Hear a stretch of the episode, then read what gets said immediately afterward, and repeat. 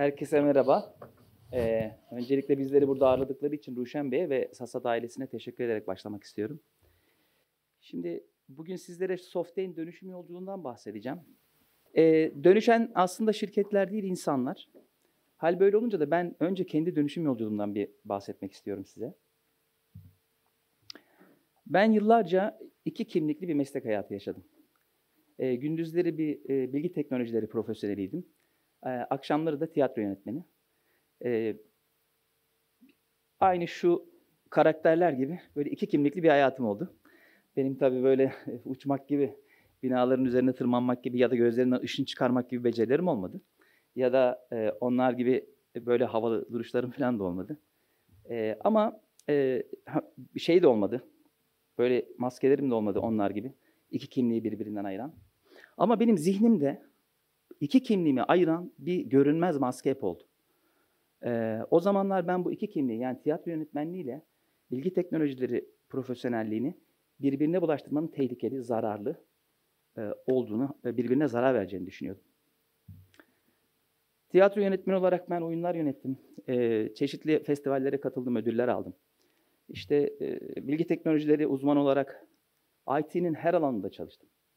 E, işte geliştirdim, yazılımda, e, ne bileyim süreçte yönettim ekipte. Ama bu iki kimliği birbirine hiç karıştırmadım. Ta ki 10 yıl kadar önce e, İş Bankası e, e, Bilgi Teknolojileri bölümünün yardım masasında yönetici olarak görevlendirildiğim o güne kadar. Biraz heyecan yaptım galiba, ya kusura bakmayın.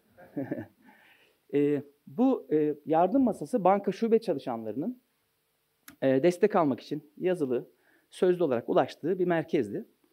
Ben başlarda biraz kaygılıydım buraya yönetici olarak atandığımda çünkü e, buradaki e, buradaki konu e, yazılım e, şeyin sektörünün biraz dışında gibi geliyordu bana.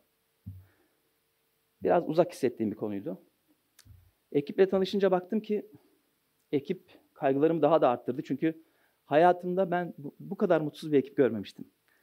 Yani şöyle hayal edin. Her gün, her saniye sizi e, insanlar sorunlar için arıyorlar. Onların streslerini yükleniyorsunuz. Ee, sürekli şikayet dinliyorsunuz. Tüm bunlar yetmezmiş gibi de bilgi teknolojileri ailesinin de kendinizi en e, şey e, en dışındaki en uzak insanları hissediyorsunuz. Kendilerine bir isim takmışlardı. Biz dış kapının mandalıyız falan diyorlardı. Sonra e, yani böyle karşımda 60 tane e, mutsuz yüzle çalışmaya başladım. Gittim müşteri memnuniyet e, anketi sonuçlarına baktım. Baktım ki müşteriler de mutsuz. Yani o anket sonuçları da çok kötüydü. Kaygım benim bayağı tavan yapmıştı. Böyle bocalamaya başladım. Bu kaygılarla işte işin inceliklerini öğrenmeye çalışıyorum. Bir yandan bu e, e, bir yandan bu e, e, sorunları çözmeye çalışıyorum. Bir yandan da şöyle bir dert yaşıyordum. Şimdi ben yazılım kökenliyim ama karşımdaki sorun hep bankacılık mevzuatı gerektiriyor. Yani e, buradaki e, konuların birçoğu benim bank, bankacılık mevzuatına hakim olmam gerektiriyor. Ve bunu yapabilecek bir şey de değilim. E, e, sürem yok, zamanım yok. Neyse, e, iş sahanlar aynı, konular aynı, sorunlar aynı, sorunlara yaklaşım aynı. Ben farklı sonuç alacağım diye çırpındım durdum. Tabii ki olmadı.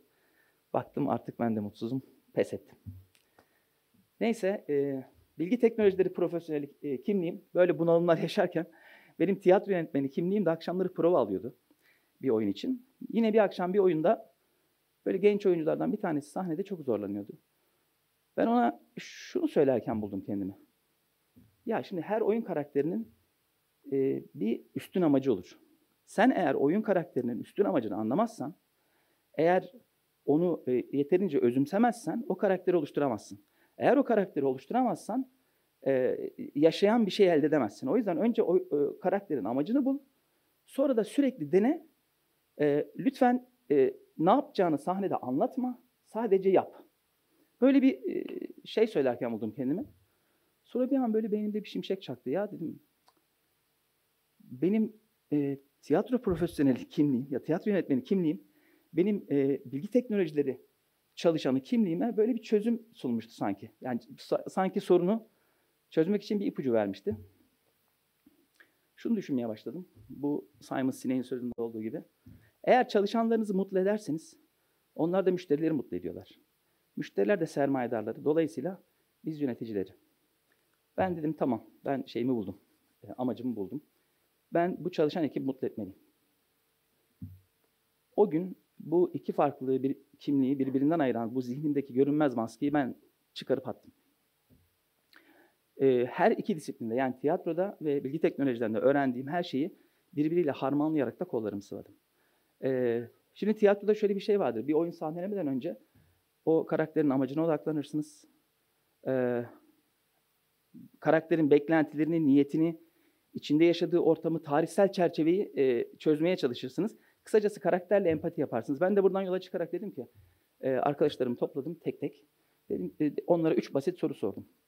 İyi ki bu ekipteyim dediğiniz ne var? Keşke, özür dilerim, ne yazık ki bu ekipteyim dediğiniz ne var? Keşke bu ekipte şunlar olsa dediğiniz ne var diye bu arkadaşların e, görüşlerini aldım. Böyle özenle bunları grupladım. Sunum haline getirdim. Noktasına virgülüne dokunmadan bunları kendilerine yansıttım. Dedim ki arkadaşlar siz sizin iyi kileriniz bunlar, maalesefleriniz bunlar ve özlemleriniz bunlar. Şimdi ben buradaki e, mutlu olduğunuz konuları çoğaltmak, e, mutsuz olduğunuz konuları çözmek için elimden gelenin en iyisini yapacağım. Bunun için size söz veriyorum ama bunu tek başıma yapamam. Siz de lütfen bana söz verin. Bu yolculukta beni elinizden gelen en iyi şekilde destekleyin diye. Sonra biz bir yola çıktık. Bir maceraya atıldık. Destek aradık. Ben bu yine hazırlamış olduğum çıktıyı tüm şirketin ilgili ekiplerine, yöneticilerimize, bütün mecralara taşıdım. Ee, en nihayetinde o aradığımız desteği bulduk. Artık mutlu bir ekip olup mutlu müşteriler yaratmak için e, çalışmaya çalışan bir ekiptik. Bol bol denemeye başladık. Yani biz süreçlerimizi, organizasyonel yapımızı e, iyileştirdik. Çalışırken eğleneceğimiz bir takım şeyler bulduk. Örneğin oyunlaştırmalar uyguladık. Kişisel gelişim kulübü kurduk. Kutlamalar yapmayı ihmal etmedik. E, bir parça potansiyelimizi arttıracak eğitimler düzenledik. E, örneğin böyle bağışlarla oluşan bir şey oldu. Kütüphane oluşturduk bağışlarla. Önce 8-10 kitapla başlayan bu kütüphane bir anda bin küsür kitaba ulaştı. Ve şeyin departmanın bütün çalışanlarına hizmet eden çok renkli bir kütüphanesi bile olmuştu arkadaşlarım. E, hızlı kazanımlara odaklandık. Şimdi bu fayda zorluk ekseninde eğer bir şey çok zor ve faydası düşükse zaten çöpe atın. E, ama e, şeyse e, zor ve faydası yüksekse onları mutlaka projelendirip e, planlamak gerekiyor. E, kolay ve faydası da düşükse hani yapsanız da olur, yapmasanız da olur gibi bir şeydir. Biz kolay olan ve faydası yüksek olan hızlı kazanımlara odaklandık. Çünkü çalışan memnuniyetini ve müşteri memnuniyetini merkeze koymuştuk. En nihayetinde e, bir yılın sonunda ben o üç soruyu yine aynı şekilde arkadaşlarıma sordum. Yine onların e, yorumlarını aldım ve nerede yol almışız? Nerelerde hala gidecek yolumuz var? E, dünden bugüne ne değişmiş arkadaşlarımıza e, tekrar hatırlatmış oldum.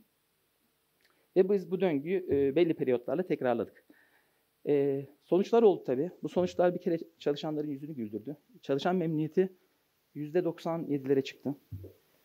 E, müşteri memnuniyeti %98,5'tu en son ben ayrıldığımda.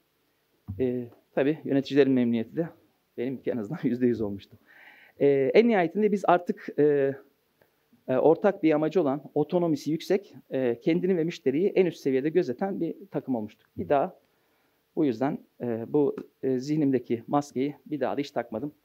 Çünkü iki farklı kimliğimiz birbirine rakip değil, dosttu. Bunu o gün artık o süreçte fark etmiştim.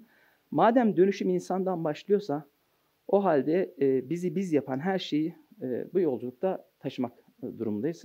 Elimizde bulundurmak durumundayız. Şimdi bu benim yolculuğumdu. E, biraz da Softey'in yolculuğundan bahsedeyim. Şimdi Tolstoy'a atfedilir bu söz ama Tolstoy'un mu bilmiyorum. O yüzden ben Tolstoy'un diyeyim. E, tüm muhteşem hikayeler iki şekilde başlar diyor Tolstoy. Ya bir insan bir yolculuğa çıkar ya da şehre bir yabancı gelir. Şimdi 2017 yılında böyle oldu. Soft'e bir yabancı geldi. Soft'e'nin genel müdürü değişti. Biz de o dönemlerde yardım masasında e, böyle kutlama organizasyonları e, yapıyoruz. Kendi ritüellerimiz var. Örneğin burada 98,5 olan müşteri memnuniyetini kutladığımız, böyle pasta kestiğimiz bir gündü.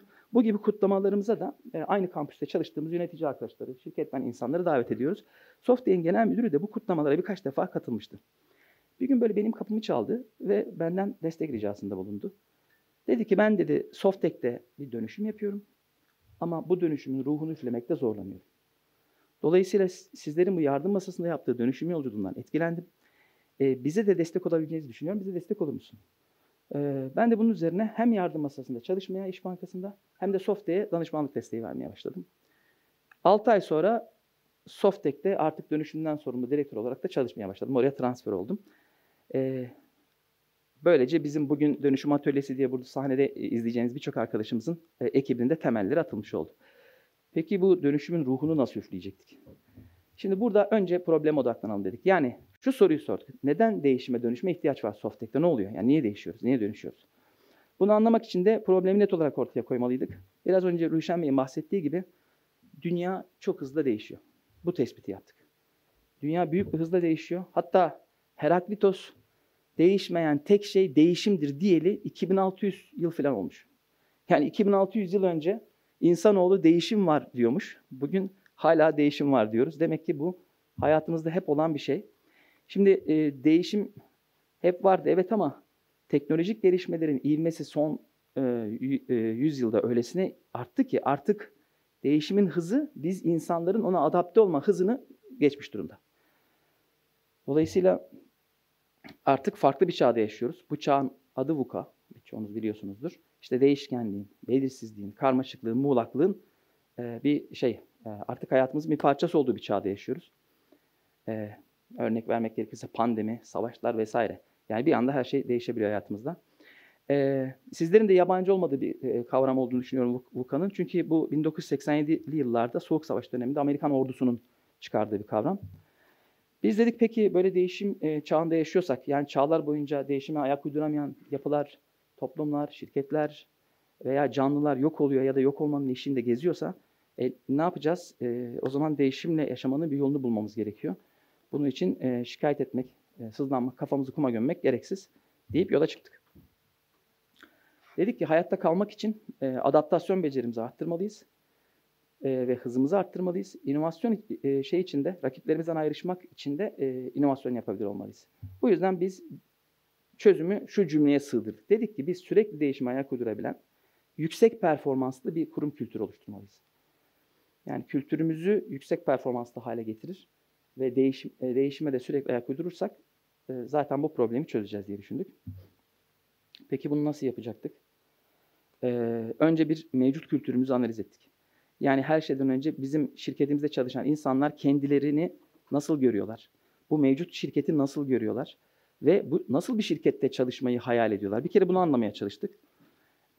Bu analizin ışığında önce, geleceği kurgularken bir önceki hikayemde de bahsettiğim gibi tabii ki amacımıza odaklandık önce. Şimdi duymuşsunuzdur Simon Sinek e, e, Simon Sinek'in Golden Circle yani altın çember diye bir konuşması var. Bu milyonlarca kez YouTube'da izlenmiş bayağı popüler bir konuşmadır. Simon Sinek burada diyor ki dünyadaki her organizasyon ne yaptığını bilir. Bunlar onların ürünleri veya hizmetleridir diyor. Ama diyor bazı organizasyonlar bunun nasıl yaptıklarını bilirler. Bunlar onları özel yapan ve rakiplerinden ayıran şeylerdir diyor Simon Sinek. Çok az organizasyon bunun için yaptığını bilir. Ya sen bu işin için yapıyorsun dediğinde birçoğu para kazanmak için der. Ama para kazanmak bir sonuçtur. Ee, bir amaç değildir. Niçin? Ulvi bir amaç, sebep ya da inançtır. Yani organizasyonunuzun en temel var olma nedenidir niçin diyor. Biz de buradan hareketle Software'in hem varoluş amacını, hem vizyonunu, misyonunu hem de kurumsal değerlerini yeniden bir tanımladık.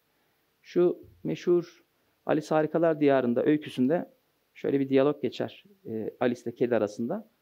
Alice kediye sorar, ya ben hangi yoldan gideyim diye. Kedi nereye gidiyorsun diye sorar Alice'e. Alice bilmiyorum der.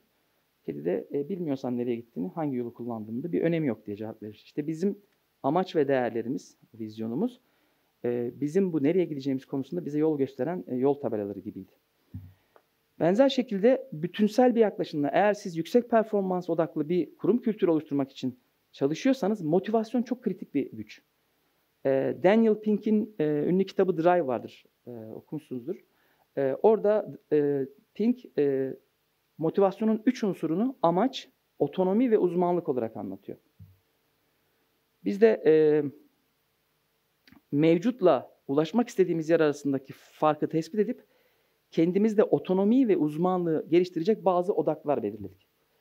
Bu odaklar e, 6 taneydi. Bunlardan birincisi amaç ve değerler odağıydı. Yani bunun şirkette yerleşmesi, güçlenmesiydi. Bununla ilgili oldukça detaylı çalışmıştık zaten bahsetmiştim. İkinci odağımız liderlik odağıydı. Şimdi size bir birkaç soru soracağım. Bir tanesi konaklama şirketlerine ihtiyaç var bütün dünyada. Ama konaklama şirketlerinin otel sahibi olmasına gerek var mı? Otel sahibi olmasına gerek var mı? Mesela Airbnb'nin oteli yok. Ama dünyanın en büyük konaklama şirketi. Aynı şekilde ulaşım şirketleri de lazım. Ama onların araç sahibi olmasına gerek var mı? Uber'in araçları yok. Ama dünyanın en büyük ulaşım şirketlerinden bir tanesi.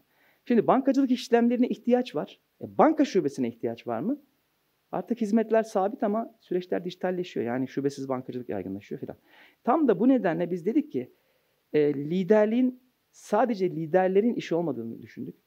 Ve Softek'teki herkesin potansiyel bir lider olduğunu varsayarak liderlik yeteneklerini geliştirmek için bir takım gelişim programları düzenledik. Bir diğer odağımız müşteri odağıydı. Ya siz eğer bir şey üretiyorsanız müşteriye sunduğunuz değeri merkeze koymak zorundasınız. Biz de bu bilinçle e, müşteriyi merkeze almak ve müşteri odaklılık kültürünü yaygınlaştırmak için bir takım programlar hazırladık. E, müşteri deneyimi ekipleri oluşturduk. E, çeviklik odağıydı bir sonraki odağımız. E, ele aldığımız odaklardan bir tanesi. E, çeviklik aslında bir organizasyonun hızlı, esnek ve verimli bir şekilde değişen koşullara uyum sağlaması demek. E, ticari ya da operasyonel anlamda. Şimdi hızlı karar almak, işte esnek olmak, müşteri memnuniyeti, sürekli iyileşme, insan kaynağına değer verme ya da sık periyotlarla sorun üret, sonuç üretme gibi böyle temel bir takım özelliklere sahip. E, biz de bu özellikleri dikkat alarak tüm e, e, üretim ekiplerimizde çevik metodolojileri hayata geçirdik. Pardon. Bir sonraki e, odağımız ürün odağıydı. Şimdi e, Softek büyük oranda talep üzerine hizmet üreten bir yazılım şirketiydi. Sizin yeniden kullanılabilir böyle reusable ürünleriniz ürünlerinizi geliş, ürünler geliştirmek hizmetlerin yanına bu ürünleri de koymak gerekir diye düşünerek Softek'te böyle bir e, ürünleşme e, çalışmasının içine girdik. E, şimdi ürünleriniz yoksa ya da yeterince modüler modüler değilse her defasında sıfırdan arge yapmak zorundasınız. Bir kere böyle bir maliyet var. Maliyetleriniz artıyor. Pazara çıkış hızınız yavaşlıyor. Dolayısıyla dünyayla rekabet şansınız da düşüyor. O yüzden ürünleştirme sürdürülebilirlik için hayati bir konuymuş gibi geliyor bize. Bunun üzerine oldukça odaklandık. Son odağımız da yüksek performans odağıydı. Yani takımların uzmanlıklarını ve e, otonomilerini artırarak e, kendi işlerinin sorumlusu olmasını hedefledik. Şey vardır ya, e, olgunluk matrisi. Olgunluk matrisinin bir ekseninde e, özgürlük vardır, diğerinde de olgunluk vardır. E, bir takımın olgunluğu arttıkça özgürlüğü de artar. Dolayısıyla bunu dengeli bir şekilde yaparsanız otonom bir takıma ulaşırsınız. Aksi halde e, olgun olmayan özgür bir takım başınızı belaya sokabilir. Ya da olgun olup özgür olmayan bir takımda insanların kendilerini hapiste gibi hissetmelerine sebep olabilir. Dolayısıyla dengede olmalı ve otonomiyi e, yaratmalıyız. Benzer şekilde yüksek performans odağında e, ticari ve operasyonel bakış açısıyla sürdürülebilirlik, karlı büyümeyi temel alan, sürdürülebilir karlı büyümeyi temel alan diyeyim. E, bir yüksek performans çerçevesi oluşturduk. Stratejilerimizi kurgularken bu çerçeveden faydalanıyoruz. Bugün e, benden sonraki konuşmalarda arkadaşlarım bu çerçeveden detaylı bir şekilde sizlere bahsedecekler. E, tüm bu odaklarda hem liderleri, hem yapıları, hem de çalışanları e, hizalamamız, uyumlandırmamız gerekiyordu. Bunun için kapsamlı dönüşüm programları yaptık. Şimdi e, dönüşüm böyle hiç kolay bir yolculuk değil. Böyle anlatıyorum e, şey çekirdek çitler gibi. Biraz rahatladım, heyecanlı yatıştı. E, ama elbette zorluklara yaşadık biz. E, ama yılmadık. Yani bu zorluklardan birkaç tanesine değineceğim sadece. Birisi direnç. Şimdi Newton'un üçüncü yasası diyor ki her kuvvete karşılık her zaman eşit ve ters bir tepki kuvveti vardır. Yani değişim yolculuğuna çıkmaya niyetlenen herkes bilsin ki direnç olacak. Bu işin doğasında var. Eğer asıl sorun eğer siz bir değişim yapıyorsanız ve hiç direnç yoksa bir durun düşünün. Biz galiba yeterince radikal bir değişiklik ya da yeterince anlamlı bir değişiklik yapmıyor olabiliriz diye bir durup düşünmek gerekiyor. Ee, size bir soru soracağım. Yine. Hatta sorayım belki cevaplamak isteyen olur. Değişimden hoşlanan tek kişi dünyadaki kimdir? Sadece altını ıslatmış bebekler değişimden hoşlanır. Hatta bu isimde de bir tane kitap var. Bunun üzerine anlatılan, değişim anlatan bir kitap. Hoş da bir kitap. Ee, diyeyim ve devam edeyim. Bir diğeri bize özgü yolu bulmaktı. Şimdi şöyle, çeviklik deyince ilk akla gelen adaptasyon ama e, bazen danışmanlar bile e, adaptasyonu böyle dikkate almıyorlar. E, işte kitabi kurallar ya da genel geçer kabullerin büyüsüne bir parça kapılabiliyorlar. Şimdi elinizde çekiç olunca her şey çivi gibi görmeye başlıyorsunuz. Ee, dolayısıyla her şirketin kendine özgü bir kurum kültürü var. Başka şirketlerde işe yarayan çözümler sizde işe yarayamayabiliyor. O yüzden oturup kendi kültürünüze, kendi şirketinize göre bir çözüm bulmanız gerekiyor. Yani çevikliği raftan alıp X şirketine uyguladığınızda şahane çalışmıyor. Siz onu alıp kendi kültürünüze uygun hale getirmelisiniz. Dolayısıyla biz de Softya'ya özgü yolu bulmak için oldukça e, emek sarf ettik. Aynı şekilde e, en zorlandığımız konulardan bir tanesi şuydu. Dönüşümün zaman alan bir süreç olduğunu kabullendirmek. E, çünkü e, şöyle bir şey var ya Einstein'a ithaf edilir. Onu da emin değilim yine Einstein'ın sözüm ama e, elinizi kızgın bir sobaya koyduğunuzda 10 saniye kızgın sobayı tutarsanız o size 1 saat gibi gelir diyor. Aynı şekilde e, kurumlar da bu dönüşüm için harcanan süreyi o, objektif değerlendiremeyebiliyorlar. Yani mey- meyveleri bir an önce toplamak istiyorlar. Dolayısıyla sabırsızlanabiliyorlar. Halbuki dönüşüm dediğimiz şey evrimsel bir süreç. Zaman alır yani. Dolayısıyla bunun faydası böyle bir anda hemen iki günde şıp diye çıkmaz ama zaman içerisinde eksponansiyel olarak artar ve karşınızda e, hissedilen bir şeye dönüşür. Örneğin Netflix, bugün herhalde birçoğumuzun evinde vardır kendi kültürel dönüşüm yolculuğunu tam 8-9 yılda tamamlamış. Bugünkü Netflix olmak için 9 yıl emek harcamışlar. Ee, öğrendiğimiz şeyler oldu demiştim. Bu öğrendiklerimizden de biraz bahsedeyim zorlukların yanı sıra. Bir kere dönüşüm tüm şirketin işidir. Öyle bir kişinin, iki kişinin işi değildir. Ama o tüm şirketin işi olan dönüşümü liderliğini yapacak bir ekibin varlığı çok kritik. Ee, çünkü dönüşüm şeye benziyor. Yani hareket halindeki bir arabanın tekerleklerini değiştirmeye benziyor. Dolayısıyla siz ticari olarak e, şirketin e, yolculuğunu aksatmamalısınız. Aa, bir yandan da dönüşüm yapabilmelisiniz. O yüzden birilerinin bu konuya e, dikkatli bir şekilde e, odaklanması çok kıymetli. Bir diğeri de paydaşlarla işbirliği. Sonuçta dönüşüm tüm şirketin işidir dedik. Liderlik yapanlar var ama bu dönüşümde e, bir takım e, konuları halletmek için insan kaynakları gibi, kurumsal iletişim gibi ya da süreç e, geliştiren ekipler gibi çok sıkı işbirliği yapılması gerekiyor. Bunların hepsinin hem mindsetinin e, hem de e, işbirliği kaslarının çok gelişmiş olması bir zorunluluk. E, şunu hatırlarsınız birçoğumuz, gerçi gençler var hala yapılıyor mu bilmiyorum ama bizim çocukluğumuzda çok yapılırdı. Pamuğa fasulye dikip ondan sonra deney yaptırırlardı bize. Şimdi buradaki şey neydi yaklaşım? Biz fasulyeyi biraz ışığı artırıyoruz. Ne değişiyor? Su koyuyoruz. Acaba ne değişti diye kontrollü deney yapıyorduk çocukluğumuzda. E, şimdi aynı şekilde dönüşümde de öyle. Ee, bir kere sürekli araştırarak, bilginizi arttırmak, kontrollü deney, deneyler yapmak, geri bildirim almak ve ölçebildiğiniz kritik konuları ölç, ölçerek ilerlemeniz gerekiyor dönüşüm yolculuğunda da. Bir, en e, önemli şeylerden birisi öğrendiğimiz kararsızlıkla oyalanmayıp harekete geçmeniz gerekiyor. Şimdi Newton'un yasalarından başladık madem bir de birinci yasasından bahsedeyim. Newton'un birinci yasası diyor ki dış bir kuvvet etki etmediği sürece duran bir nesne durmaya hareket eden bir nesne de sabit hızla hareket etmeye devam eder. Dolayısıyla bizim amacımız şirketin ivmelenmesini sağlamaktı. İşte bu nedenle dönüşüm faaliyetlerini devreye sokarak Newton'un bu prensibindeki dış gücü dönüşüm sayesinde oluşturmaya çalıştık. Softek'in bazı kazanımları oldu. Biraz onlardan bahsedeyim, hızlanayım. Ee, Softek büyük ölçüde tek müşteriye hizmet ediyordu. İş Bankası'na biliyorsunuz. Ee, ve yurt içindeydi. Yurt dışına açıldı, müşteri portföyü genişledi. Softek'in yeni ürün ve hizmetleri oluştu. Kurum içi girişimcilik için bir inovasyon tüneli kuruldu ve bu inovasyon tünelinde yeni e, fikirler denendi. Bu fikirlerden bazıları spin etti, şirketleşti.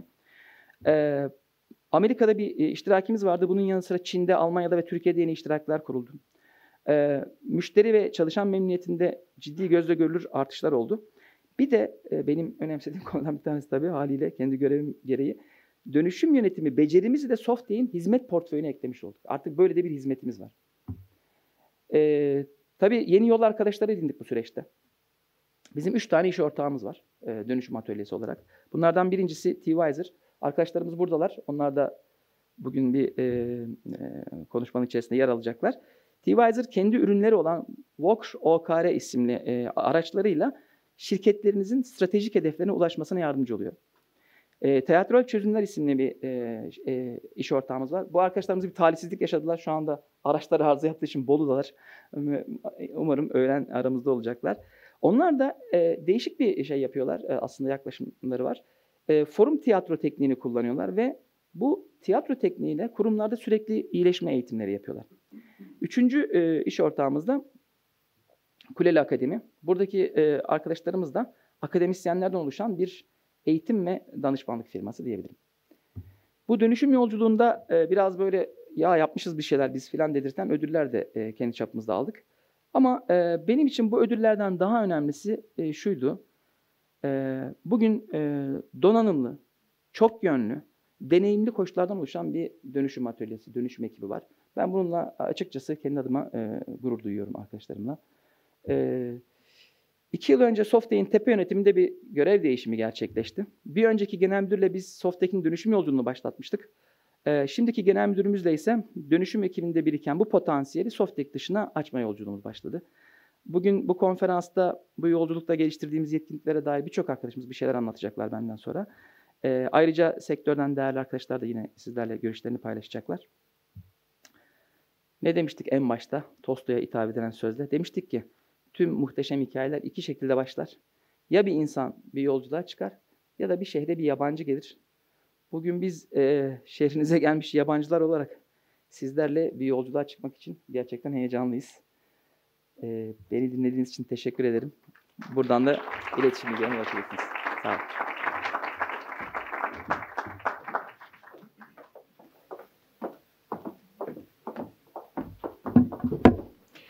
Abdullah Caboz'a konuşması için çok teşekkür ederiz. Sunumda e, oldukça e, akılda kalıcı görseller paylaştın Abdullah. Eminim konuklarımızın merakını da gün boyu canlı tutacak bu görseller. Şimdi dilerseniz 15 dakika ara verelim. Kahve molasından sonra programımıza devam edelim.